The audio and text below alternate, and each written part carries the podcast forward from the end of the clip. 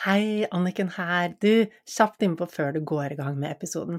Jeg lurer på, har du noen ganger kjent på en skikkelig sånn blåmandag, hvor ting bare er tungt og trist, og du ikke har noe energi eller ork? Har du kjent på at du ikke har det som skal til for å få gjort de tingene som står på listen din, at du utsetter, prokrastinerer, ødelegger for deg selv og bare ikke får gjort det som du egentlig vil gjøre? Og har du kjent noen ganger på at livet bare er tomt, altså tomt for energi, tomt for glede, tomt for det som får livet til å gnistre? Jeg spør deg fordi dette her har jeg også kjent på, og jeg ante ikke at det faktisk var noe som jeg kunne gjøre selv. Altså faktisk hele nøkkelen til å få endret det ligger inne i meg, ligger inne i deg. Du har alt det som skal til for å få til den endringen. Denne kunnskapen finnes ikke ute i samfunnet. Burde vært pensum? Ja, absolutt. Og da jeg lærte det jeg nå kan i mentaltrening, så var det som om bare et stort lys gikk opp for meg, og endelig falt puslespillbrikkene på plass. Og jeg fikk de verktøyene og den metoden som skal til for å nummer én bygge opp motivasjonen, energien og livsgleden, og nummer to, som kanskje er enda viktigere, få det til å vare livet ut. Ja, for det er lett å bli inspirert, men hvordan få det til å vare livet ut? Og alt det her er grunnlaget for at jeg satte meg ned og brukte et helt år av livet mitt på å skrive boken Finn din superkraft, sånn at du også skal få tilgang til de verktøyene. Og det jeg har delt i boken, er ting som ikke er i podkasten. Jeg har ikke delt det på kurset mitt, ikke på sosiale medier. Så det er helt ny kunnskap, nye verktøy og nye lydspor hvis du er en av de som har gått kurs hos meg eller fått noen av lydsporene mine fra før av. I boken får du 16 helt nye lydspor som endrer på tankesettet sitt. Så det jeg skulle fortelle deg om, var at boken nå ligger ute til forhåndssalg. Frem til 1. mai så kan du bestille den på forhåndssalg, og da får du den sendt rett hjem til postkassen din med en gang den er på lager. Og det som er ekstra, ekstra fint med at du bestiller dem på forhåndssalget, og det lærte jeg først nå, siden jeg selvpubliserer og kunne jo ingenting om hva, altså hvordan publiserer man en bok, men nå har jeg skjønt at det, å få solgt mange bøker på forhåndssalget gjør at man lettere kommer inn på boklisten, og den er visst veldig magisk, for når man er der, så er det en stor hjelp. Det gjør at boken får spredd seg til enda flere, enda flere får hørt om det. Og denne boken burde vært pensum, burde vært inne på alle skoler. Altså, hvordan hadde verden sett ut hvis alle hadde verktøykassen for å faktisk bygge opp motivasjon, drivkraft, livsglede, og bare ha det bra, få gjort det du vil, og trives med deg selv?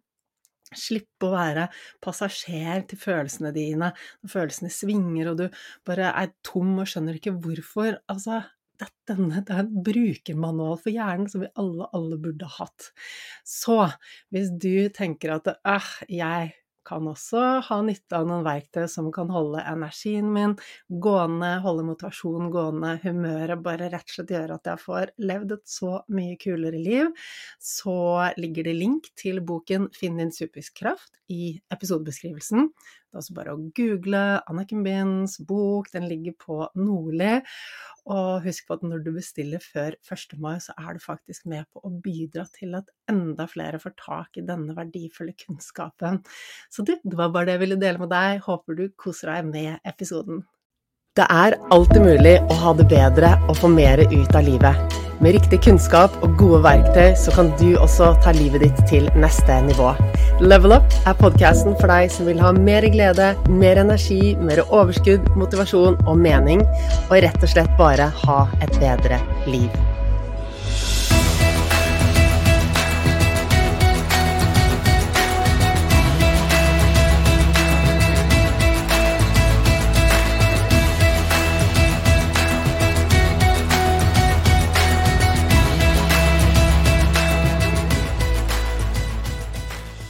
Har du noen gang lurt på hvorfor du er som du er, hvorfor du gjør som du gjør, og har du noen gang kjent på at nei, men jeg er bare på den måten, eller det passer for meg, eller det passer ikke for meg?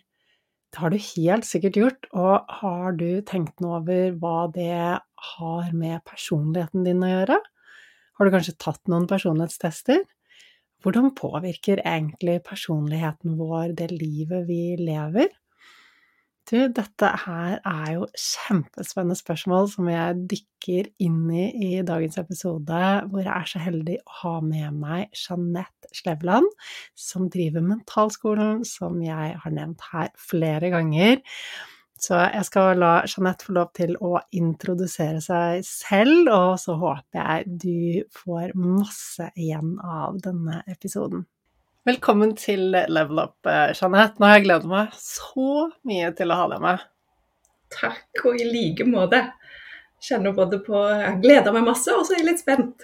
Ja, og det her har stått Jeg har lyst til å ha det med lenge, og det er jo mange grunner til det. Men, um, men, ja, jeg er fan av det du gjør, det du Altså alle prosjektene dine, som jeg gjerne vil komme litt inn på og snakke litt mer om. Men uh, før vi dykker inn i det, vil du fortelle lytterne litt om hvem du er? Bakgrunnen din?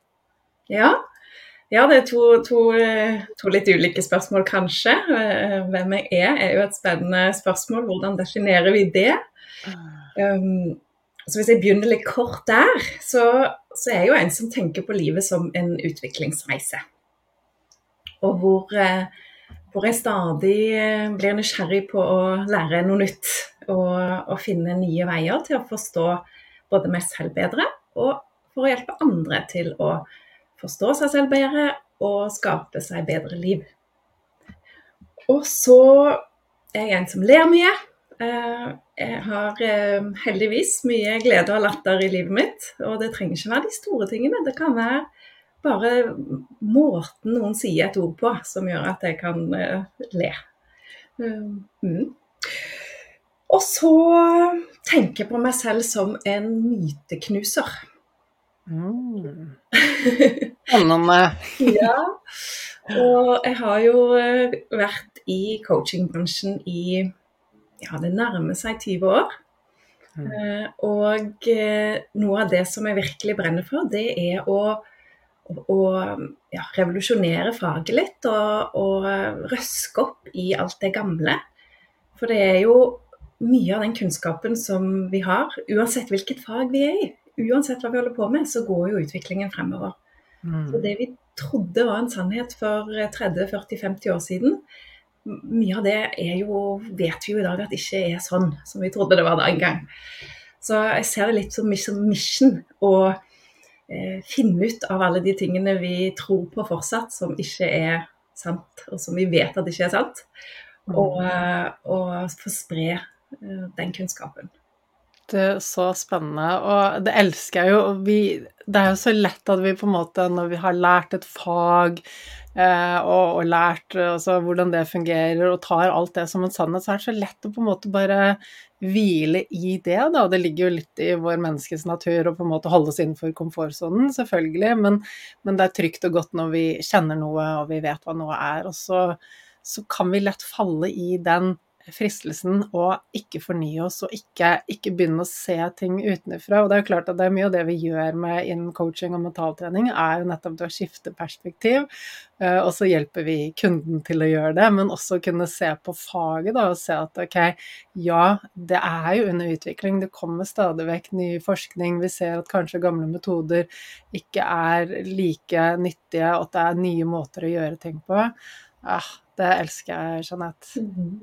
Mm. Ja, det, det som du sier, det kan være litt sånn smertefullt å bare Nei, dette elsker jeg å undervise i, og dette er jeg så glad i, og så bare Nei, hva så, så det kan være litt sånn tvega sverd den der veien å gå. Uh. Pluss at man vil aldri komme i mål. Fordi at uh, utviklingen går jo, så man må bare henge med og, og ja, gjøre så godt man kan da, og, og fjerne det som man vet at det er vranglære eller myter, og så mm. bygge opp med noe nytt. Mm. Mm. Ja. Så utrolig spennende. Hva er altså, de største på en måte, endringene du har gjort eller sett i forhold til det å revolusjonere faget ditt? Oi, spennende spørsmål, ja. um, kanskje noe av det viktigste selve Nå, nå driver jeg en coachingskole, mm. så jeg utdanner jo coacher. Og kanskje noe av det viktigste er jo å, at vi undervise etter prinsipper som viser hvordan vi lærer bedre. Ja. Som f.eks. det å ta en, altså en, eksamen eller prøve hvor du skal prestere her og nå. Det er jo ikke en god måte å lære på. Mm. Eh, Det vil jo ofte bare trigge masse negative følelser og tanker som gjør at folk presterer dårligere. Så det å jobbe med kontinuerlig feedback og, og, og måle progresjon, eh, kanskje noe av det viktigste. Mm. Hvis jeg måtte velge én ting. Kjempespennende. mm. Og det er jo litt, jeg har forstått at det er litt uh, ditt kall å ta denne kall her i livet, og ta læringen videre og utdanne coacher, og det vet jeg at du gjør en god jobb med. Og du driver jo Mentalskolen, som jeg har nevnt her inne flere ganger. Og hver gang jeg får et spørsmål hvor skal jeg gå og utdanne meg til mentaltrener eller coach, eller liksom lære mer om dette mentale feltet, eh, så sier jeg ja, Hver gang noen spør om det, så sier jeg mentalskolen. Sjekk med de. Ja, takk for det. Det er veldig hyggelig. Og vi ser jo det at vi har flere studenter som, som kommer fra deg, og, og vi har flere studenter som begynner hos deg etter at vi snakker varmt om deg òg. Og, og det er en sånn fin kombinasjon som ser jeg med begge. Både ha det kurset og, og den eh, basen i bunnen på selvfølelse som de får gjennom dine kurs. Mm. Og så bygge det videre med en eh, full coachutdanning for de som vil gå den veien. Ja, og jeg syns det er så fantastisk. Og jeg for meg er det viktigste av alt. Vi driver jo, vi er gründere begge to. Vi, vi, det er jo veldig mange som, som er gode på sitt felt, og som jobber som gründer. Og jeg tror før så var det mye mer sånn konkurranse blant liksom, de forskjellige aktørene. da, At man skulle passe på sitt, og, og man så kanskje ikke verdien av samarbeid. Men min visjon er å hjelpe flest mulig. Og hvis jeg skal få til det, så er det helt umulig å gjøre det alene. ikke sant? Og jeg har de tingene jeg underviser i som jeg eh, brenner for, men jeg har det ikke i meg å utdanne folk til å bli coacher og mentaltrenere. Det er ikke mitt kall. Og jeg vet at jeg gjør en fantastisk jobb med det, og det er så mange som går gjennom kurset mitt som bare Nei, det her skal jeg jobbe med, hvor går jeg da? Eh, og det er så fint å kunne ha det samarbeidet med dere og rett og slett bare si at ja, men det er gå dit, og jeg vet at dere gjør en god jobb. Eh, så ja, det kjennes så godt ut å kunne støtte hverandre og bygge hverandre opp, og det hjelper jo alle. Um, så ja, glad for det. Mm. Ja, det er viktig og god tankegang det. Og jeg ser jo det for de som går ut og skal starte opp som coacher òg, viktigheten av det å ha nettverk. At vi kan heie på de, løfte de, bygge de opp, sånn at ikke de bare har en god coachutdanning, sånn som vi i veldig mange år hadde. En veldig god coachutdanning, men vi hadde ikke noe mer.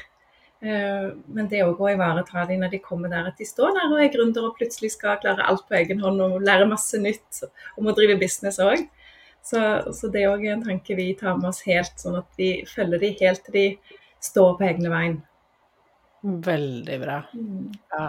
Jeg er fan av den måten dere jobber på, og altså, hele konseptet deres, eh, og, og spesielt dette med å revolusjonere, tenke nytt om coaching og metodene, og eh, ja, det er så viktig. Eh, fordi det er jo som du sier, vi er på en evig reise. Um, og da handler det om Altså, hvis vi blir for komfortable, så har vi det jo ikke bra. Kan vi være enige om det? ja. Vi er jo skapt for utfordring. Selv om vi er programmert til å holde oss innenfor komfortsonen, så, så trenger vi også utfordring for å kunne ha det bra, både fysisk og mentalt. Så, så vi vet at vi trenger det. Og, og det gjelder da også det å se inn på oss selv, se på faget vårt, se på det vi driver med. Er dette hensiktsmessig? Og jeg, så nylig en sånn ny studie på visualisering som var dukket opp i forhold til ikke alle former for visualisering, men hva som var mest effektivt hvis du skulle forbedre eh, en ferdighet. Eh, og den studien gikk litt bort ifra den måten jeg er vant til å undervise det på. Da er det sånn OK, hva gjør jeg da? Jo, jeg tar til meg den kunnskapen, og så masserer jeg det inn i det jeg allerede underviser, og sånn jeg gjør det på egen hånd. Men jeg kunne jo vært sånn å nei, det er ikke den måten jeg gjør det på, da vil jeg ikke ha den kunnskapen. Nettopp. Og det er, jo det, det er jo det som er så naturlig for oss, det der å bare Vi legger merke til det som er likt det vi tenker og tror og, og står for. Og så legger vi kanskje ikke engang merke til eller finner logiske forklaringer til hvorfor ikke vi skal forholde oss til det som strider imot. Mm. Eh, Så ja. Mm. eh, Nei, det er viktig. Mm. Men ja.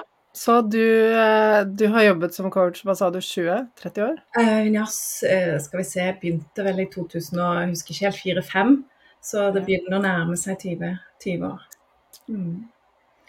Og det òg var en sånn omvei fra reklamebransjen.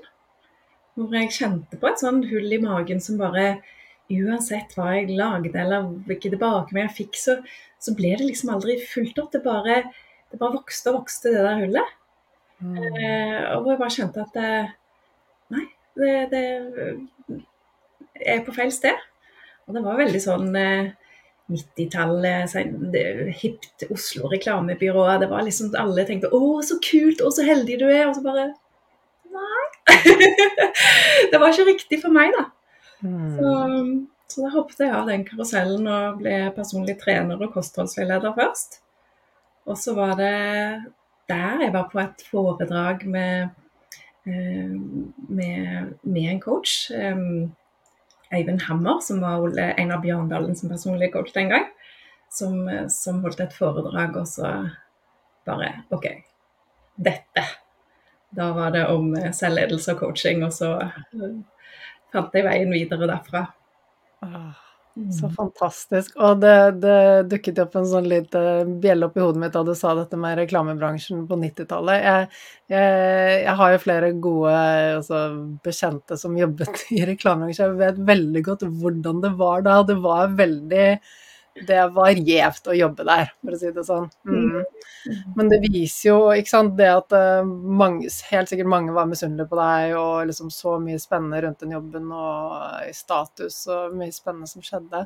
Men det viser jo det at eh, ok, selv om vi er i et sted som kanskje gir så, høy sosial status, eller eh, som er spennende, helt sikkert utfordrende, masse fester det, det var litt sånn høy sigarføring, da, hvis jeg kan liksom si det på den måten. Eh, mye penger i den bransjen på den tiden. Eh, men det er jo ikke nok til å bli lykkelig, ikke sant? Og vi kan la oss på en måte lure av det en periode, bli litt sånn blendet av gull og grønne skoger og den moroa der, men til syvende og sist så satt du helt sikkert igjen med følelse da at ok, ikke sant, som du beskriver tomhet, det, det, var ikke Det var noe som ikke stemte. Uh, og det handler om at det ikke var din vei å gå, rett og slett. At det var noe annet der for deg. Men det kan vi da rett og slett Altså, det krever litt mot da, å kjenne på det, fordi ja, du er i en god jobb som de fleste helt sikkert bare ser opp til og tenker at wow, du er heldig, og så kjenner du at nei, det er ikke riktig. Og det å ta steget ut fra noe sånn, det krever jo veldig mye. Uh, og det å på en måte se det og anerkjenne for mange blir værende et sted som ikke er bra, og blir værende der kanskje hele livet, eller store deler av livet, før de på en måte blir bevisst på ok, hvem er det jeg egentlig vil være, og hva er det som egentlig er viktig for meg. Eh, og nå vil jeg si at det er aldri for sent å komme dit. ikke sant? Det er så mange som jeg jobber med som er sånn Å nei, når de først innser det, så er det sånn Nei, jeg har brukt hele livet mitt på å gjøre det som var helt feil for meg. Og så blir de liksom bitre og triste og så bortkastet. Men ingenting er bortkastet. Og alt er læring, og det er aldri for sent da å, å se dette og begynne å gjøre en endring. Mm. Nei, det er helt klart. Eh, det, jeg, begynte, jeg flytta som 18-åring eh, til Oslo for å studere psykologi. Og så fikk jeg jo denne jobben i reklamebyrået og bare hoppet av det. Og nå, 25 år etterpå, så har jeg begynt på en bachelor i psykologi. Så det er aldri for seint. jeg har bare vært, noen, har vært, på noen uh, skogsveier og utforska verden litt uh, istedenfor å ta motorveien. Så det er mange veier. Så du hadde det litt i deg der og da, så visste du nok at dette var noe du ville. Men, men ikke sant, så dukket opp en morsom mulighet. Og, og, det er jo sånn, jeg er veldig opptatt av at det er ingenting vi gjør her i livet som er bortkastet, fordi alt gir oss erfaring, selv om vi kanskje kan tenke at ok, nei, men det var jo noe helt annet enn det jeg skulle gjøre. Altså, jeg har studert i åtte år, jeg er samfunnsgeograf, jeg bruker jo ikke det eh, i dag, men likevel så har det formet meg på så mange måter, og den måten å liksom se sammenhenger på, analysere eh, forståelsen min av liksom samfunnet, hvordan ting fungerer sammen, mennesker, verden det har jo med fra samfunnsgeografien, så selv om jeg ikke jobber som samfunnsgeograf i dag, så er det med på å forme meg. Og all den erfaringen gjennom alle de årene eh, som student, det er klart at det, det er ikke bortkastet. Så, så, hvis du skulle velge liksom, det viktigste som du tenker det har forma deg med, hva, hva, hva, er det?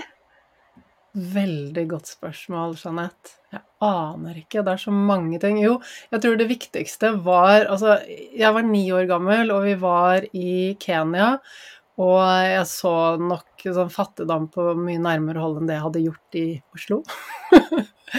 og, og, da Det som formet meg der og da altså Dette har jo ikke med studier og jobberfaring å gjøre, men det, da var det bare klart for meg ok, når jeg blir voksen, så skal jeg redde verden. Jeg må hjelpe de som ikke har det bra. Så jeg tror at det, egentlig det behovet mitt for å gjøre en forskjell kommer fra den reisen jeg hadde da. Um, men det er sikkert mange andre grunner til at jeg alltid har den der Hvis jeg ser noen som er urettferdig behandlet, eller noen som trenger hjelp, så får jeg vondt inni meg. Sant? Se en, en, gammel dame som trenger hjelp til å gå over veien, så får jeg sånn vondt inni meg, jeg må hjelpe. Mm. Um, så, så, det kan være mange grunner til det. Men jeg tror det er kanskje noe av det som har formet meg mest av alt. Mm. Uh, også så alle andre valg og retninger og på en måte detours fra den stien som jeg har gjort senere i livet mitt, det er bare Um, ja, det er bare læring på veien mot det som, som var min mission. Uh, og så er det jo en del ting i forhold til liksom, personlighet og genetikk og sånn som har påvirket meg i den retningen. Og det er jo et veldig spennende tema, og det er jo en av de tingene som jeg hadde lyst til å snakke med deg om, Jeanette. fordi jeg er ganske grønn på det feltet med personlighet. Det er ikke noe vi jobber med innenfor mentaltreningen. Men du, eh, som du sa nå, har jo hoppet rett inn i studier og har fordypet deg en god del i dette med personlighetspsykologi også, og det syns jeg høres så spennende ut. Mm.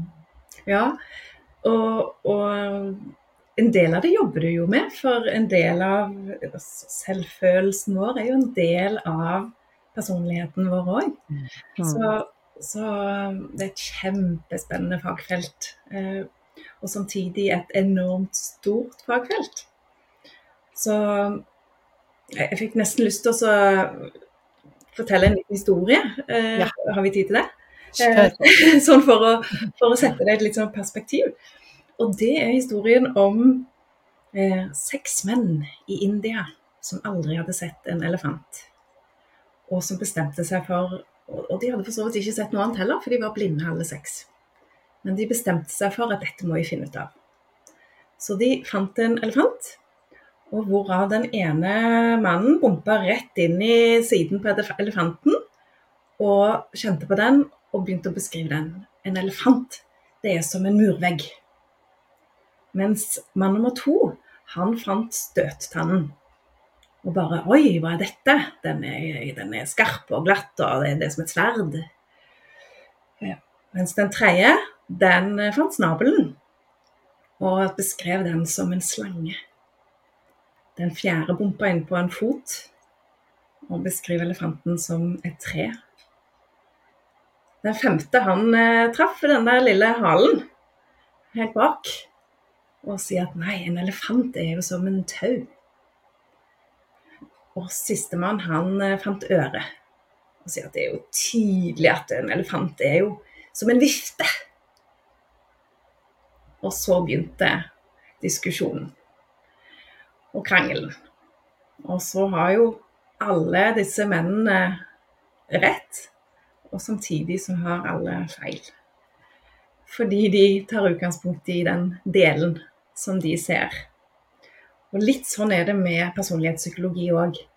At det er så stort at de har delt det inn i mange ulike, ulike veier inn for å kunne skape den helheten og forstå personlighet bedre. Mm. Så en av de veiene inn, bare for å begynne, begynne et sted, det er jo dette med å måle personlighetstrekk. De aller fleste har hørt om beskrivelser som at noen er introverte og noen er ekstroverte. Eh, noen eh, eh, er kanskje mer liker orden og system og planlegging, mens andre er litt mer sånn her og nå og tar ting så det kommer og, og vil ha litt mer rot rundt seg. Så det fins en del, mange forskjellige sånne personlighetstrekk. Så en av disse veiene inn er å måle forskjeller mellom mennesker og disse personlighetstrekkene. Og det kan være kjempelærerikt og gøy å ta, å ta sånne personlighets... Eh, så de kaller de ofte tester, men tester er jo gjerne noe som man får en karakter på, eller som eh, skaleres av en personlighets...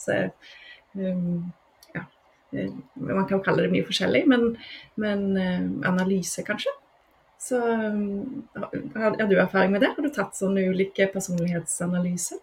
Eh, noen, men egentlig ganske lite.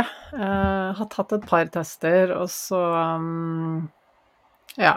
Men det er ikke noe jeg bruker i jobben. Jeg har uh, Men det er altså jeg, jeg, Det jeg ser, er at vi mennesker er veldig sånn Vi elsker jo å, å liksom ta en sånn quiz og finne ut av hvem er jeg egentlig? Er jeg sånn person? Ikke sant? Og så ser vi og det og det stemmer. Og så er det helt, alltid noen som ikke stemmer, men som så er det sånn Å ja, dette er meg. Og så får vi en forklaring. Jeg tror vi mennesker elsker å liksom få en forklaring på hvorfor jeg er som jeg er. Og så eh, kunne liksom forstå oss selv bedre. Så jeg tror det er noe sånn veldig sånn tiltrekkende Det tiltrekker oss, da. Mm. Eh, å finne ut av disse tingene. Men, eh, men jeg har um, jeg har brukt det lite, og jeg har testet meg selv lite. Et par tester, selvfølgelig. Eh, Um, I forhold til liksom ja, introvert og ekstrovert, uh, f.eks., så er jo 50-50. Jeg ligger midt på. Jeg kan gå begge retninger. Litt sånn uh, avhengig av uh, omstendigheter, men um, Ambivert, ja. som det kalles. Å være sånn på midten. Mm. Mm. Så, men jeg det, det har Altså personlig så har jeg ikke brukt det, for jeg har vel vært veldig sånn OK, jeg, jeg, kjenner meg selv, jeg vet behovene, og jeg vet hvordan jeg fungerer. Jeg vet hva jeg kan jobbe med, og jeg vet hva jeg kan jobbe rundt. ja, ikke sant. Og det, og det, er jo mange av disse testene som ikke er noe særlig gode heller, som, som, eh, ja, som klassifiserer oss på måter som egentlig er veldig unaturlige, og som er veldig unøyaktige. Mm. Eh, som kan gi noen beskrivelser som de fleste kan kjenne seg igjen i noe av det. Så, så, det er mye ulike sånne tester i omløp, og veldig mange som man eh, kanskje skal ta med en klype salt. da. Mens mm. den, den ene som, som, har mest, som vi forsker mest på, det er den som kalles for Big Five. Um, mm. Den, eh, den, klassifiserer oss ikke i sånne du er en sånn type eller en sånn type. Den bare viser en sånn gradsforskjell. Hvor er du hen? Um, og så er det ikke noe sånn at det betyr at du er sånn eller sånn. Men den forklarer kanskje litt OK. Um, så fordi at jeg har et sånn personlighetstrekk, så er det kanskje grunnen til at jeg higer sånn etter å utvikle meg, da, f.eks. Eller uh, ja, gjøre det bra. Uh, og da, vi ser jo en sammenheng bl.a. mellom en av disse trekkene kalles for planmessighet, som sier noe om hvordan du har orden, om du Eh, ja, har kontroll på arbeidet ditt, om du liker er målstyrt og en del sånne i en sånn pakke der. Og det er jo en ganske stor gjeng av denne her eh, perfeksjonismen, disse som er litt sånn flink pike og flink gutt der ute, som har en høy grad av de personlighetstrekkene. Så kan man se en sammenheng der. òg, ja. Mm. Og så kan man jo jobbe med å endre de, heldigvis, da. Mm. Så er det jo ikke noe sånt som er låst. Sånn er jeg. Sånn klistremerke i pannen, og så er det sånn. Eh, da kan jeg ikke gjøre noe. Du kan absolutt gjøre noe med det. Og det er det som er så fint. Jeg tenker liksom Det som på en måte har vært litt sånn fellen med personlighetstester, er jo nettopp det at ok, man får et svar på hvordan man er, og så bare Ja, men da bare er jeg sånn. Mm. Eh, og så kan det være litt sånn sovepute, ansvarsfraskrivelse. Men jeg er sånn, så da kan du ikke forvente noe annet av meg. Men, eh, men det er jo som du sier, at dette kan vi endre på. Vi, eh, jeg sender jo ut denne Big Five-testen i forkant og etterkant, eller starten av kurset, og etter ett år så får jeg folk til å ta testen igjen, og da ser vi at det er endringer ja. den. Ja. Men, eh, men jeg har likevel ikke noe jeg har fokus på dette med personlighetstester, men det er uansett kjempespennende. Mm. Mm. Mm. Og så kan man se man kan bl.a. predikere, da er det jo ikke på enkeltindividnivå, men på, på, litt sånn gjennomsnittet. På, kan man se på livsutfall, f.eks.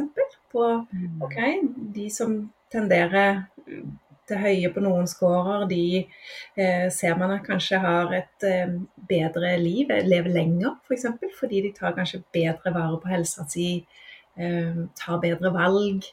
Eh, så kan man gjerne se sammenhenger eh, på, på lang sikt òg. Hvilke personlighetstrekk er det, Jeanette, som, som, på en måte man ser at de tar bedre valg, lever lengre og lykkeligere liv? ja, um, den Big Five den deler jo inn i sånn fem hovedkategorier, og så har man en del sånn underfasetter av den. Men, men hvis vi de der, holder oss til de der fem uh, hovedkategoriene, så ser man at eh, høy på det som kalles for planmessighet, altså den som jeg nevnte i sted, med, som planlegger og har orden og, og er jo ganske sånn målfokusert. Eh, og høy på omgjengelighet, altså det å eh, altså empati og omsorg for andre og eh, ja um, Ofte litt sånn mild, kanskje, og, og godt likt. Um, høy på den. Og lav på nevrotisisme. Mm. nevrotisisme er jo forbundet med gjerne sånn høy grad av angst og uro og neg de negative følelsene. Um, mye, mye, bekymring, kanskje. Så ja, så der ser man spesielt at de tre trekkene uh, kan ha mye å si. Mm. Mm. Du, vil du forklare ordet nevrotisisme? Eh, ja. Det er litt sånn fremmedord.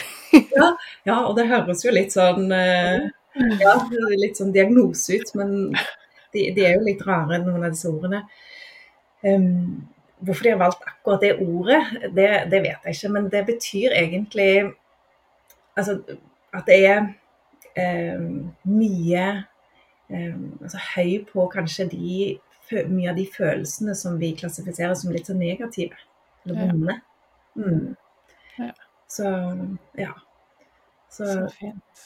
Mm, ja. Det, og det ser jeg jo, da har jeg jo sett blant de som har gått kurset mitt, at det der skjer det en endring. Eh, eller ofte så har de en endring på akkurat det punktet der. Eh, som, men, men, ja, vil du snakke litt mer rundt dette med ok, ja, vi, eh, vi har visse typer personligheter, vi kan ta tester og finne ut av sånn er jeg, men hva kan vi endre på, hva kan vi gjøre for å endre på disse tingene, så, sånn at vi alle kan leve liv som er lykkeligere og, og vi har det bedre? Mm.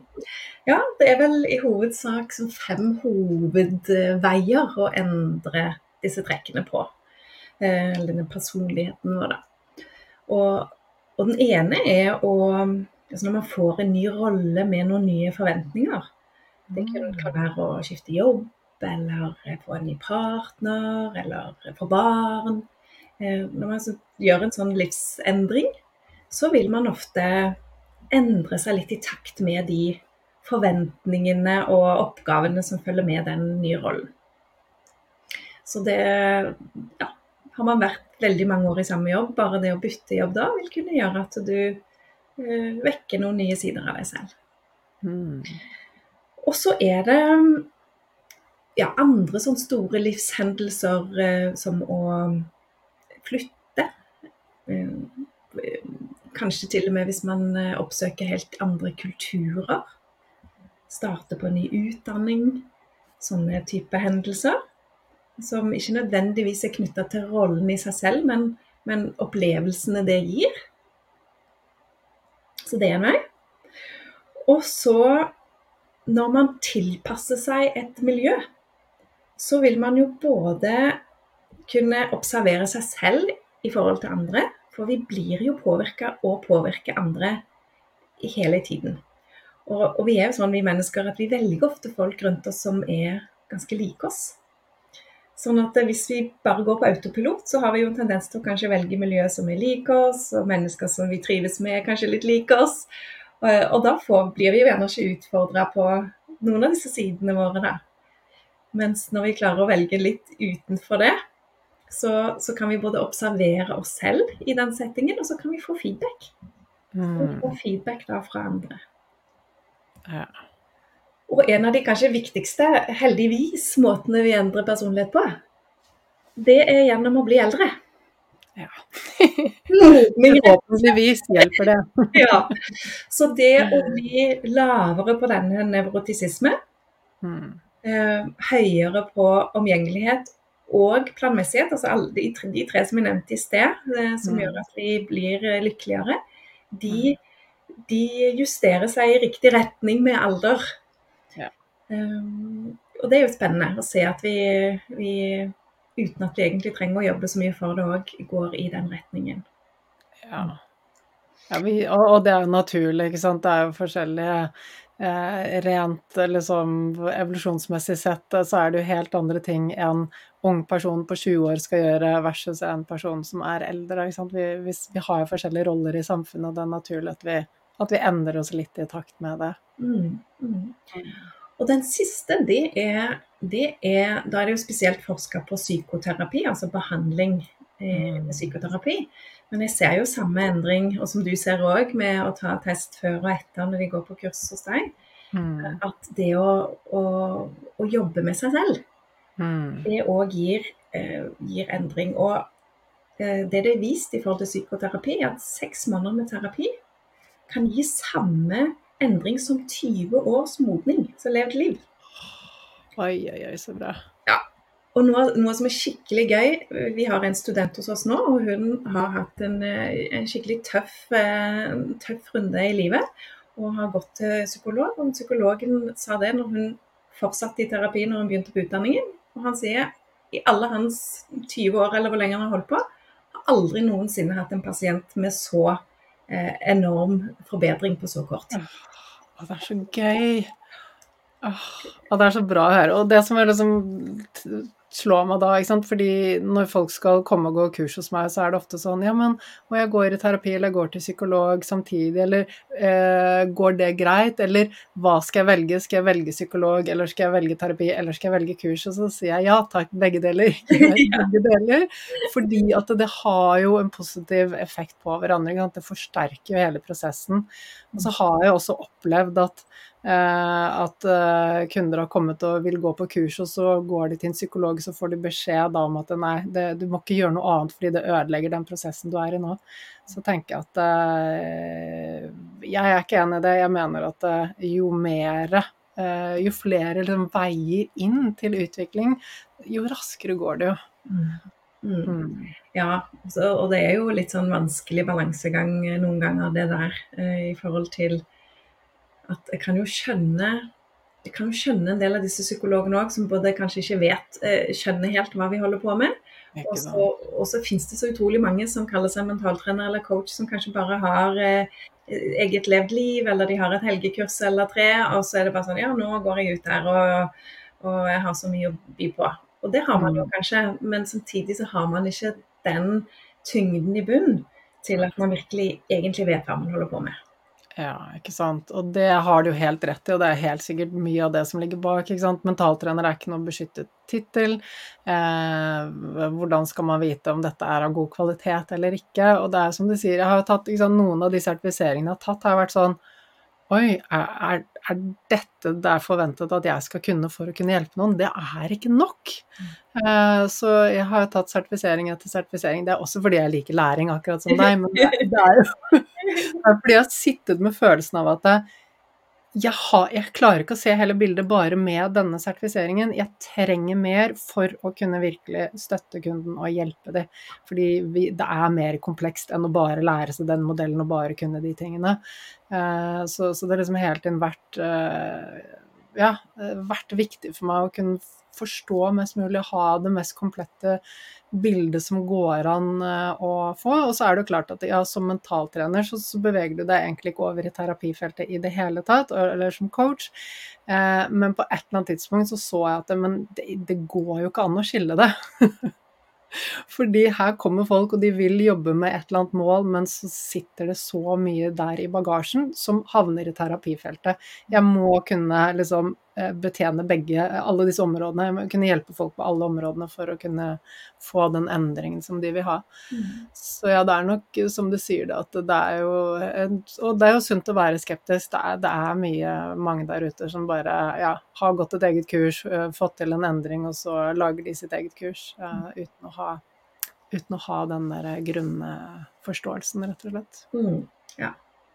Og det er jo og da er vi jo liksom over på sant, andre, andre, veier inn. Eh, og jeg tenker vi, kan, vi, trenger ikke å ta alle seks veiene inn, men, men i forhold til det, det er, den ene veien inn da, som går på den der kognitive forståelsen, mm. og hvordan vi ser på oss selv. Så dette selvkonseptet, som jo egentlig går ut på at vi på et eller annet tidspunkt har liksom lært oss hvilke forventninger har andre til meg, hvilke forventninger har jeg til meg selv, og, og hvilke sannheter er det jeg da lager om meg selv. Sånn at jeg har et konsept om hvem jeg er, eller en tanke om hvem jeg er. Mm. Og, og, inni der kommer jo selvfølelsen vår, blant annet. Og mm. overbevisningene våre om oss selv. Og, og den pakken der er det jo vi jobber med hele tiden eh, på, på, mange veier inn. Altså det, det, er jo bare en del vi jobber med andre pakker her òg, men det er jo en del av psykologien, dette òg. Mm. Det med hvordan er det vi lager disse altså, Så har de noen andre ord på det. da, Psykologene kaller det kanskje for selvskjema. Hvordan vi har en forståelse for Skjema er jo en forståelse. så Vi har kanskje et eh, skjema for hvordan vi klassifiserer en hund. Vi, vi vet at hunder ser forskjellige ut. Noen har eh, lang pels, og noen har kort pels, og noen har langhale, og noen har kort eh, hale. Men vi vet allikevel at det er en hund. Mm. Altså, vi har et skjema for hund. Og så kan vi ha et skjema for alle underhunder, eller om vi kan ulike raser. Og på samme måte så har vi sånn skjema for, for mennesker og for oss selv. Mm. Vi har putta oss i noen sånne bokser, om vi skal kalle det det, da. Eh, og noen ganger så er jo de forståelsene og, og avgjørelsene vi har tatt om oss feil, eh, altså de er jo tatt på helt feil grunnlag. Gjerne basert på et eller annet vi da har opplevd i barndommen som, som, eh, som setter seg fast hos oss, da. Og så trenger vi hjelp til å få gå inn og få justert på det bildet. På mm. den eh, selvforståelsen. Mm. Mm. Viktig. Mm.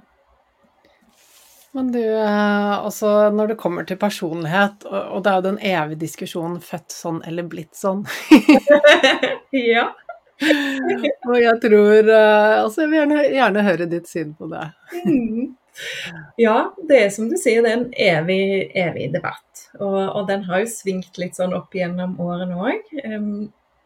Det, det, de fleste forskere har eh, faller ned på nå, er at noe, noe er, er, er, arv.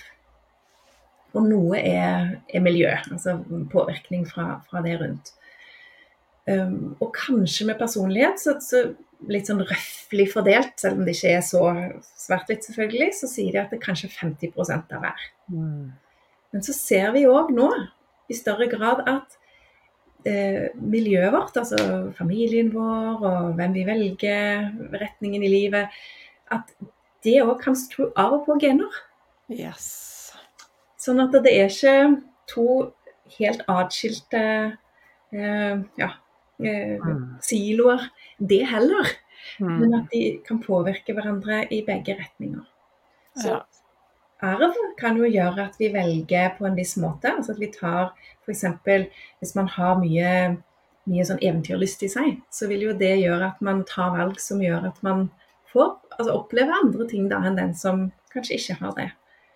Og samtidig så kan det at man da opplever mye, treffer nye folk, opplever nye kulturer, sånn som du gjorde, eh, trigge noen av personlighetsfaktorene i deg. Mm. mm. Ja.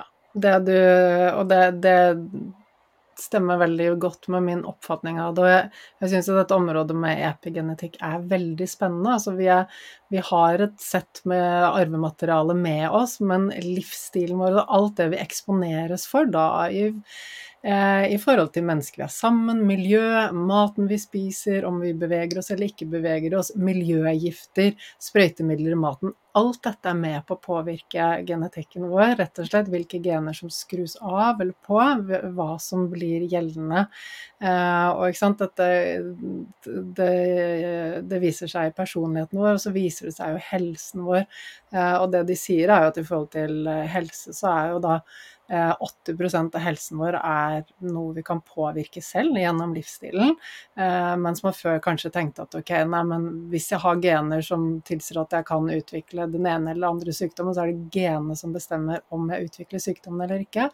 Men nå jobber jeg også mye med en veldig dyktig svensk lege som er helt rå på dette feltet, og bodde og jobbet mange år i USA. og har eh, kontakt med de eh, største forskningsmiljøet innen dette, så hun er sånn oppdatert på feltet hele tiden. Og det er det hun jobber med, er genetikken, rett og slett.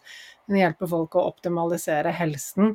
Eh, og da er det ikke bare gjennom liksom, trening og kosthold og kosttilskudd og sånn, det er gjennom hvordan du lever livet ditt, stressmestring, hvordan du må balansere ting for å optimalisere din genetikk og holde deg frisk lengst mulig. Mm Og som du sier, dette handler også om, om, personlighet, det handler om alt mulig. Eh, og jeg syns dette er, er, veldig, veldig spennende, og jeg har lest en del om genetikk i det siste.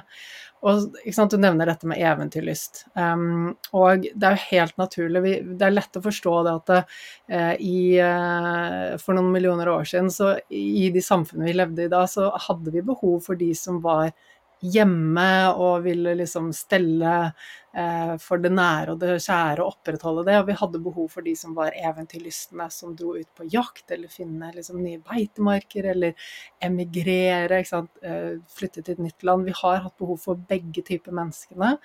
Eh, og det er klart at det eh, er jo et arvemateriale som ligger i vår genetikk. Mm. Og da jeg var liten, så var jeg veldig rolig, Jeanette. Altså, jeg drev ikke med noe idrett i det hele tatt. Jeg leste bøker. Jeg, kunne, jeg lå bare i sengen og leste bøker. Var ute og lekte med vennene. Drev ikke med noe organisert idrett. Var liksom bare sånn Veldig sånn fri, avslappet, rolig, veldig rolig oppvekst. Men jeg hadde hele tiden en sånn trang på å reise ut på eventyr. og Uh, og det er klart at det, det, også kom med familien, fordi foreldrene mine de var glad i å reise, og vi reiste og bodde i utlandet. Uh, men så begynte jeg også å hoppe fallskjerm da jeg var 18. Og det er klart at det, som du sier, ja. Eh, og det jeg har forstått i ettertid, er Og når jeg har tatt gentester som har jobbet med denne svenske legen, så, så, så sier jo hun svart på hvitt helt klart tydelig at din genetikk er veldig det man kaller dopaminergic. Eh, at vi har mer fyring. Eh, vi søker rett og slett etter det som gir dopamin, i større grad enn de som er mer sånn fokus på her og nå, det hjemme og det kjære, går mer på serotonin og oksytocin. Altså de eh, nervebanene i hodet er mer utviklet hos den type mennesker, mens hos meg så er det eh, veldig lett for meg å søke etter dopamin. Og det er klart at det, ok, er det arv eller er det miljø? Det er begge deler. ikke sant? Fordi hver gang jeg tok det fallskjermhoppet, så ble jo den banen forsterket. Det var lettere og lettere tilgjengelig. Jeg likte det mer og mer. Eh, og jeg tror nok at jeg alltid ville liksom endt opp med å være en eventyrer og gjøre forskjellige ting. Men, eh, men det er også for hver gang jeg har gjort disse tingene, så har det Eh, har det blitt mer og mer en del av min personlighet. Så det jeg jobber veldig med, er jo å balansere det og, og skape eh, nye nervebaner, eller forsterke de nervebanene som er knyttet til tilstedeværelse, takknemlighet, kjærlighet, her og nå, ivareta eh, familien. Og jeg, jeg, snakket med mannen min eh, i går. Nå, det kommer litt eh, ærlig beretning fra hjertet mitt. Men jeg har jo syntes det har vært utrolig utfordrende å være Altså ta meg av alt som handler om hus og hjem og barn hjemme. Det handler ikke om at jeg ikke elsker barna mine, men den rollen som eh, altså husmor, hjemmeværende husmor Nå er jeg ikke hjemmeværende, men det har det har gjort vondt i meg, for det har bare Det har vært så langt unna min identitet og mine behov og mine ønsker. Likevel så har jeg lyst til å være der for barna og skape en trygg og god oppvekst. Jeg har hatt den der indre kampen hele tiden. Og så har jeg hatt en mann som har bare jobbet masse. Og, og jeg har tatt ansvaret hjemme, men jeg har likevel hatt en sånn indre kamp og vært veldig misfornøyd med det. Det er noe som jeg har jobbet lenge med. Og det er så det da gjør det så mye lettere når jeg har dette perspektivet på ok, det er genetikken min, det er det livet jeg har levd før, og det matcher ikke helt min identitet, min personlighet, med det å være hjemme og ta vare på barn. Likevel så er familie og de tingene står høyt oppe på verdilisten min. Mm. Så ja, det ble en litt sånn lang avhandling her, men jeg tenkte det var fint å dele. Ja, og når du er inne på det, altså hvordan vi håndterer stress bl.a. Er jo òg en del av personligheten vår, og en vei inn hvor de ser ok, så hvordan håndterer vi de tingene som er vanskelig, eller hvor, hvor flinke vi er vi til å håndtere det. fordi er vi ikke det, så kan vi jo gå over i å få en personlighetsforstyrrelse. Mm. Mens, um, mens, dette med å håndtere stress, det, det er en viktig del av uh, hvordan vi kan se på personlighet. Og, og, og litt det du deler, Anniken, der. Jeg har jo fire barn. Oi, oi, oi. og ble mamma veldig tidlig. altså Jeg hadde så vidt blitt 23 år da jeg fikk første.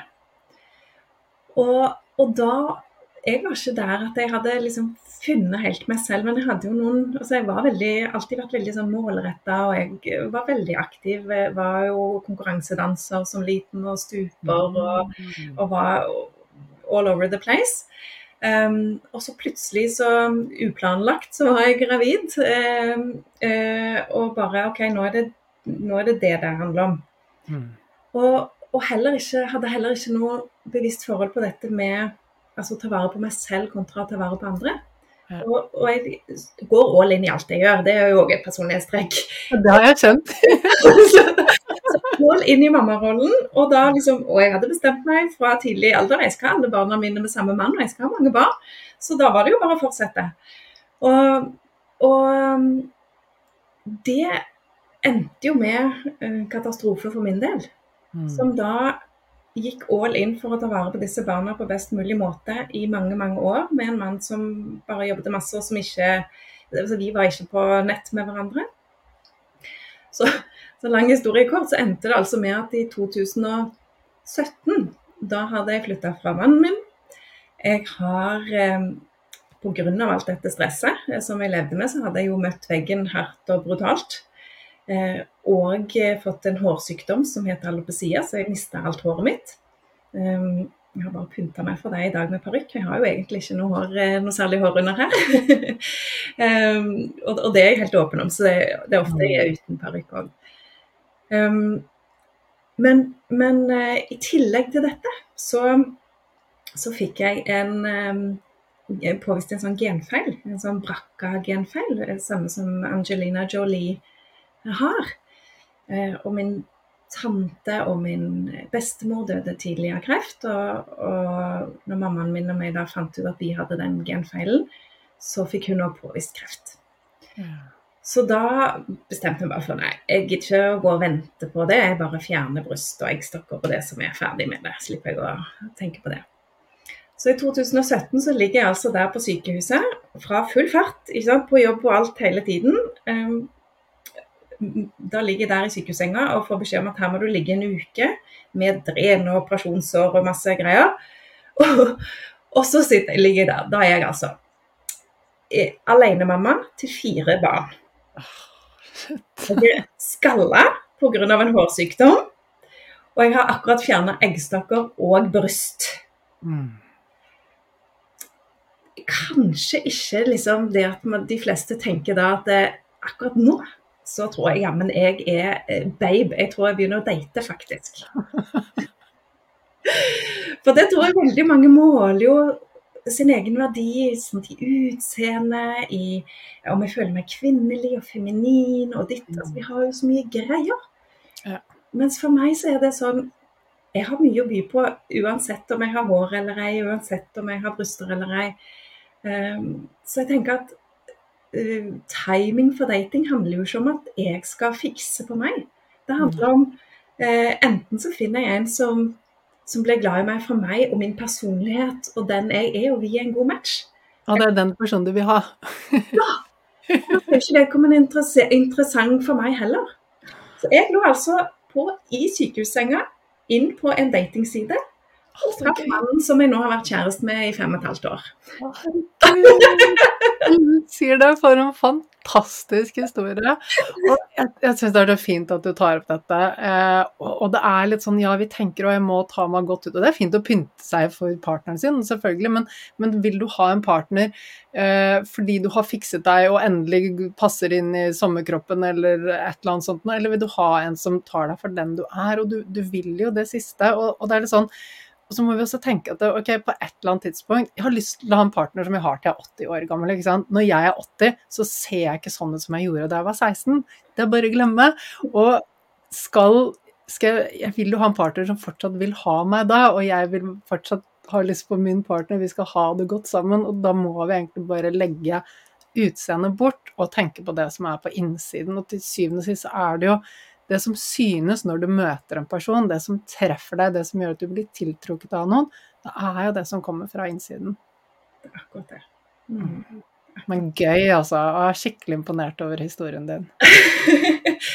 ja, jeg tenker, jeg håper jo at jeg kan inspirere andre òg til å ikke la seg stoppe av at livet, livet tar oss jo. Og det tar mm. oss jo på måter som ikke vi er forberedt på. Eh, så, så istedenfor å, å, å, tenke på det som eh, ja, slutten på dating eller slutten på, på, på, lykke eller slutten på opplevelser, så handler det jo bare om at OK, det, det, blir kanskje på en annen måte, eller må kanskje finne bare en ny måte å gjøre ting på. Eh, og så finner man den veien. Og, det, og da skjer jo magien. Istedenfor slutten så blir det begynnelsen. Yes! Og så legger vi bort det ytre staffasje, fasade, som vi kanskje har lagt så mye vekt på og verdi i, og så ser vi at ok, men uansett så skal vi få grått hår, uansett så skal vi få rynker, uansett så skal vi skrumpe sammen og bli skrøpelige, liksom. Skal vi være mindre verdifulle da? Nei. Overhodet ikke. Tenk all den erfaringen vi da har med oss, og alt det vi kan bidra med på andre mm. måter. Mm altså, når vi til og med er, er gamle og grå 80, eller ja. Så mm. ah, Men det viser jo en veldig, veldig styrke, som helt sikkert også henger sammen med eh, at du har jobbet innen det feltet i mange år, men, eh, men, det har vel sikkert noe med personligheten din å gjøre også? Og så er jo personligheten din også resultat av den jobbingen du har gjort. Hva tenker du? Ja, det, det er, nett, det, det, det, det, er en god miks. Mm. Er en god miks. Så og, og, jeg er jo uendelig Jeg har jo møtt mye motstand, jeg altså, opp gjennom disse årene etter at jeg tok coachutdanningen. For når jeg tok den, så var jeg så ung at da, da hadde jeg jo ingen problemer, trodde jeg. Eh, det har jo vi, livet vist meg at det, det, det kom. Men jeg tenker så uendelig glad jeg er for den verktøykassa og alt det jeg har hatt med meg. For I veldig mange år så har jeg følt at jeg bare har fått et sånn slag i huet og blitt liksom, slått i bakken. Og så har jeg så vidt klart å liksom få nakken opp, og så dum, kommer neste slag. Og så opp igjen, og så dum. Så det å da ha vite hvordan jeg kan komme meg videre og komme meg raskere opp igjen, det har mm. vært så utrolig verdifullt. Mm. Og, og, og det handler jo ikke om å prøve å unngå å å, å, å, leve, eller unngå å knekke nærmanken, eller hva det nå er. Det er jo ikke mm. det. Vi skal ikke leve et liv som bare handler om å safe, unngå å bli syk, unngå alt som gjør vondt. Det, det er, vonde følelser er jo òg en del av livet. Så, men det handler jo om å finne veier å tåle det, og mm. lære av det, for så å vokse av det. Ja, ikke sant. Forvente. Ikke sant. Og det handler det handler ikke om at vi skal bare forvente at livet er lidelse og bringer uh, dårlige ting, men det å uh, vite at ok, hvis vi trenger at livet er perfekt for at vi har det bra, da, da, kommer vi til å gå på en smell og bli skuffet. Og når vi er åpne for at ok, livet det kommer til å komme og gi oss en på tygga, det skjer, men det det trenger ikke være en krise. Det trenger ikke ødelegge alt. Eh, det gir oss læring, det gir oss perspektiv, det gir oss dybde. Um, og det er ikke slutten, det, ikke sant? sånn som ditt tilfelle. Det ble begynnelsen på en, en, fantastisk vakker historie. Nå har du en ny partner, du har vært sammen i fem år, det er helt fantastisk. Mm. Og som jeg også eh, poengterte her, det var så mange som bare om jeg skjønner ikke at du, du liksom takler dette med armbruddet så, så, veldig bra. Og så er det litt sånn Men vet du hva, jeg har vært i ekstremsportmiljøet siden jeg var 18 år gammel.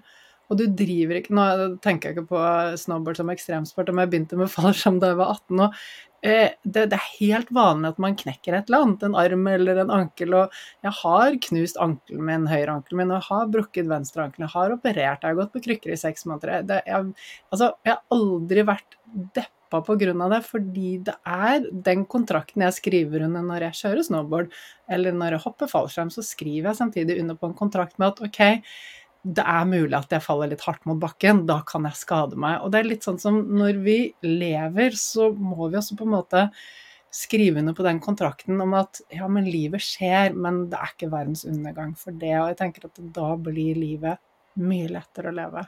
Mm. Ja. Veldig, veldig jeg støtter deg i alt sammen. ja.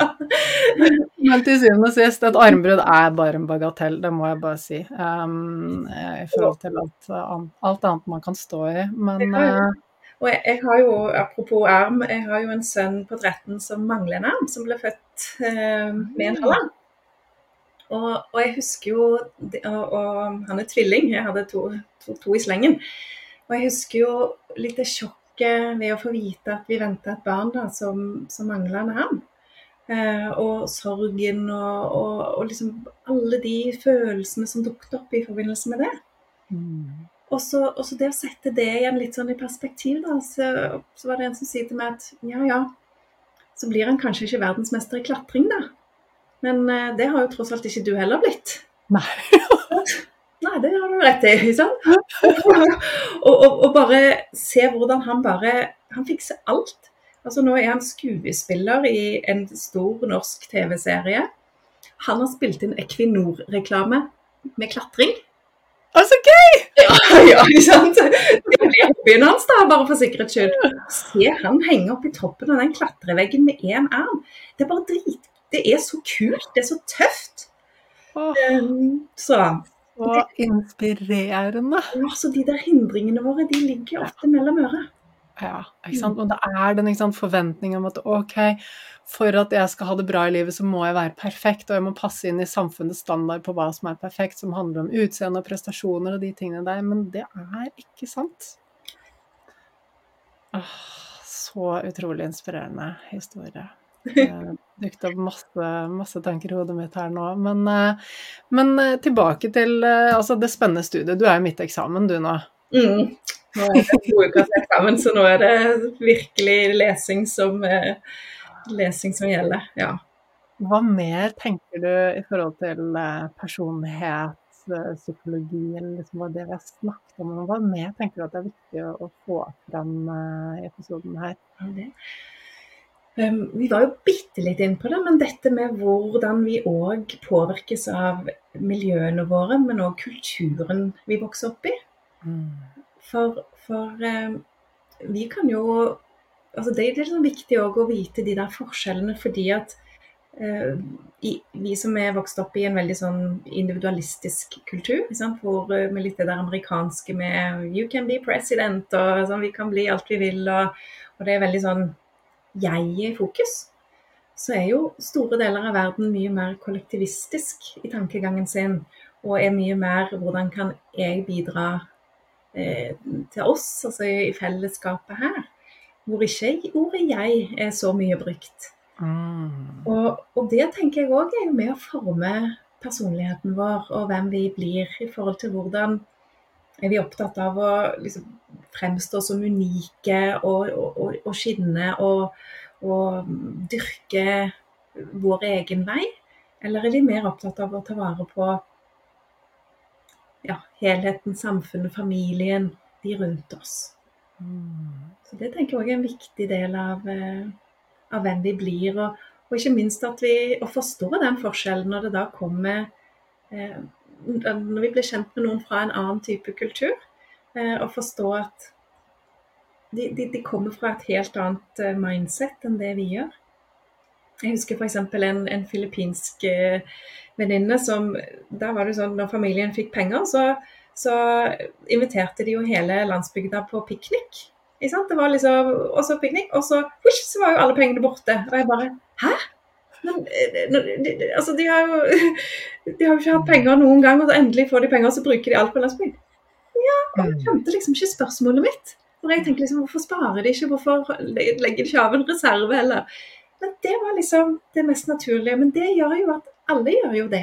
Som Mm. betyr at neste uke eller neste måned så er det en annen familie som har penger, og så inviterer de til piknik. Og på sånn så tar de vare på hverandre på den måten.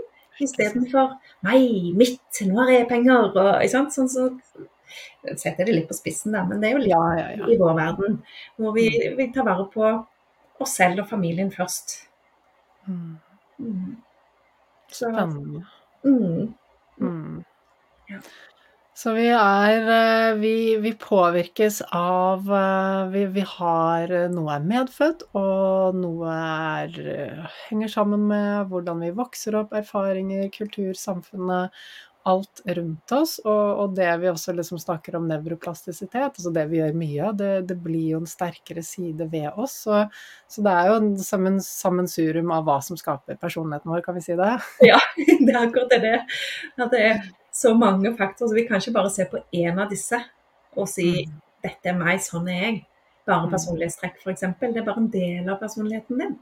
Mm. Mens, mens det er alle disse veiene inn eh, som, som til sammen eh, den hvem du er. Mm. Og så er, vi- er vi i endring. Og det er, man er aldri sånn 'sånn er jeg', to streker under svaret. Eh, da er jeg født sånn, blitt sånn. Eh, nei, du er i utvikling.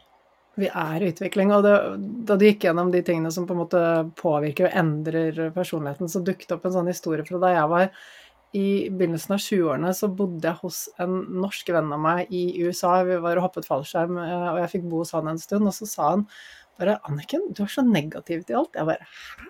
Jeg er jo ikke negativ i det hele tatt'. Og da fikk jeg den Da var det noen utenfra som, som på en måte Jeg var i et nytt miljø, og han liksom leste tilbake. Han var ikke vant til meg fra før av, og jeg så ikke på meg selv som negativ. Men for, for meg så var jeg bare realistisk. Jeg bare kommenterte det som var rundt meg. Og det ble en veldig sånn derre Oi! Der fikk jeg sett meg selv utenfra. Oi, han har jo faktisk rett. Da ble jeg veldig bevisst på meg selv, og da var det en sånn derre en, en justering som gjør at jeg endret veldig syn på meg selv og hvordan jeg var. Mm. Så ja. Ikke sant? Feedback, eh, ny kultur eh, og det miljøet du har valgt. eh, Mm. mm, så, skjer det, så skjer det noe som gjør at du velger en, ja, en litt annen retning på hvordan du forholder deg til ting. Mm. Og det er nytte. Mm. Veldig nytte. Men hvordan skal vi bruke denne som kunnskapen om, om personlighet? Hva, liksom, ok, vi har, Man har kanskje en følelse på hvem man er. Skal man ta personlighetstest? Hva, hva, hvordan skal man liksom forholde seg til det, tenker du? Ja, godt spørsmål. ja. Jeg, jeg, jeg tror kanskje det viktigste vi gjør, er å være litt sånn rause med oss sjøl. Og, og um, ikke dømme oss selv for hardt for tanker og følelser og, og handlinger. Men heller være litt nysgjerrig på, eh, og kanskje litt sånn utforskende nysgjerrig på hm, hva, det, hva, hva kan det være tro som gjør at jeg eh, sabotere meg selv fra å trene, f.eks. Bare for å ta et eh, eksempel. Um, og, og, og kanskje heller um, um, Ja, og om man er nysgjerrig nok, da, ta, så kan man jo ta en sånn uh, test, eller uh, se litt på hva, hva kan det være med Kan det være noe med personligheten min? Og, og i så fall hvor, hvor trenger jeg å justere? Hvor trenger jeg å legge fokus for å få til den endringen jeg ønsker meg? Mm. Kjempe. Ja, ikke sant? Og ikke bare være sånn deterministisk Oi, ja, men personlighetstesten sier at jeg er sånn, og da bare Der, der løpet kjørt. Men ja, med nysgjerrighet, kan, hva kan vi begynne å endre på? Um, ja, Mm. nyttig. Mm, Og, og gjerne òg nysgjerrig overfor andre som, som gjerne får til det du ikke vil. Eh, med, Mm. å, med å tenke litt sånn Hvordan kan jeg eh, intervjue de? Til å liksom høre hva tenker du om trening eh, når du står opp om morgenen og kjenner at nei, uff, ikke i dag. Hva er det som gjør at du går ut og gjør det likevel? Og, liksom, finne ut liksom, hvordan kan jeg heller lære av de som får det til, istedenfor å se på de som en trussel eller på, på, mitt, på mitt selvbilde. ikke sant? Fordi at or, du får det til, og ikke jeg, og så føler jeg meg dårligere. For vi driver jo og sammenligner oss hele tiden. Mm. Så fremfor fremfor igjen å være så streng da, og, og, og dømme oss selv heller. Være litt nysgjerrig på hvordan kan lære av hverandre. Mm. Veldig nyttig. Så enig. Mm. Ah, herlig. Du, Jeanette, så fint. Er det noe du tenker at, du, eh, at lytterne bare må få høre før vi runder av? Noe som, som du brenner inne med? Nei, ikke noe sånn uh, spesielt uh, Jeg tenker det er å altså Bare den der rausheten. Vær raus med deg sjøl. Mm. Eh, og, og, og, hvis du går nå med en sånn tro på at ikke du kan endre deg, så kan det hende at det er en, en del av en personlighetsstruktur som, som, holder deg igjen, rett og slett. Og begynne der. Fordi at mm hvis ikke du hadde kunnet endre deg, så hadde du jo fortsatt bare ligget på en matte og sprella med beina i været. Du har jo endret deg enormt ja. eh, til der du er i dag. Eh, ah. det at du er blitt voksen, det at du lever, er jo et bevis på at du kan endre deg. Mm. Så bruk det til òg din egen eh, videre fremgang. Ah. Det har vært veldig, veldig fint perspektiv å runde av med. Vi er i konstant endring. Og ja, vi kan passivt ta imot endringen fra det som skjer rundt oss, men så kan vi altså aktivt gå inn i det og bare OK, sånn er det, dette føler jeg på, sånn reagerer jeg. Eh, kan begynne å forstå oss selv litt ut ifra liksom, tidligere erfaring og sånn. Og så kan vi også ta det bevisste valget mot ok, her trykker skoen litt, kanskje jeg skal begynne å se på det, og jeg kan endre meg. Jeg, jeg har endret meg siden jeg lå og sprellet på matten, eh, og jeg skal fortsette å endre meg resten av livet. Og så styre den endringen i den retningen som faktisk gjør at vi kan ha det godt og leve et liv hvor vi har det morsomt. mm. Som gir glede, og som hvor du omringer deg med mennesker som òg eh, løfter deg og, og, er med på å ja, gi deg det, det, livet du vil ha. Mm. For vi blir jo så påvirka av de nære òg, så det er jo litt sånn Er du 13 og velger fem venner som røyker, så blir du den sjette. Eh, er du, er du, velger du fem venner som trener, så er det stor sjanse for at du blir den sjette. Ja. Så det er noe òg med å hvem er det jeg omgir meg med? Eh, for, for, det er jo litt sånn flåsete kanskje sagt, at vi blir gjennomsnittet av de vi omgir oss med, men, men vi blir påvirka. Mm. Eh, og hvis jeg da ønsker å bli påvirka i en eller annen retning, så må jeg velge det miljøet. Jeg må velge mennesker som driver med det jeg ønsker å drive med. Yes. Mm.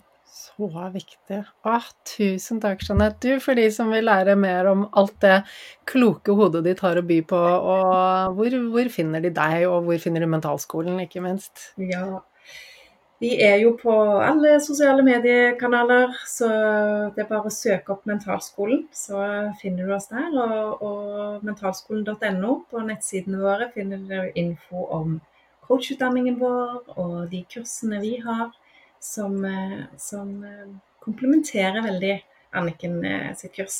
Mm. Og Det er jo det som er så gøy, at vi ser at disse går så hånd i hånd med hverandre. Mm. Veldig, veldig gøy. Ja, Så kan du selvfølgelig sende meg en mail på jeanette.mentalskolen.no. Fantastisk. Anbefaler å gjøre det til alle dere som sitter med en liten sånn spir i magen og tenker at å, jeg har lyst til å gå den veien. Lære mer om det. Um, ja, bare hoppe i det. Velkommen er de alle sammen som vil. Bare kontakt. Ah, så bra. Du, tusen, tusen takk for en veldig fin samtale. Masse gull. Um, så håper lytterne tar med seg mye bra herfra. Likeså. Tusen takk for at jeg fikk bli med. Hva sitter du igjen med nå etter å ha hørt denne episoden?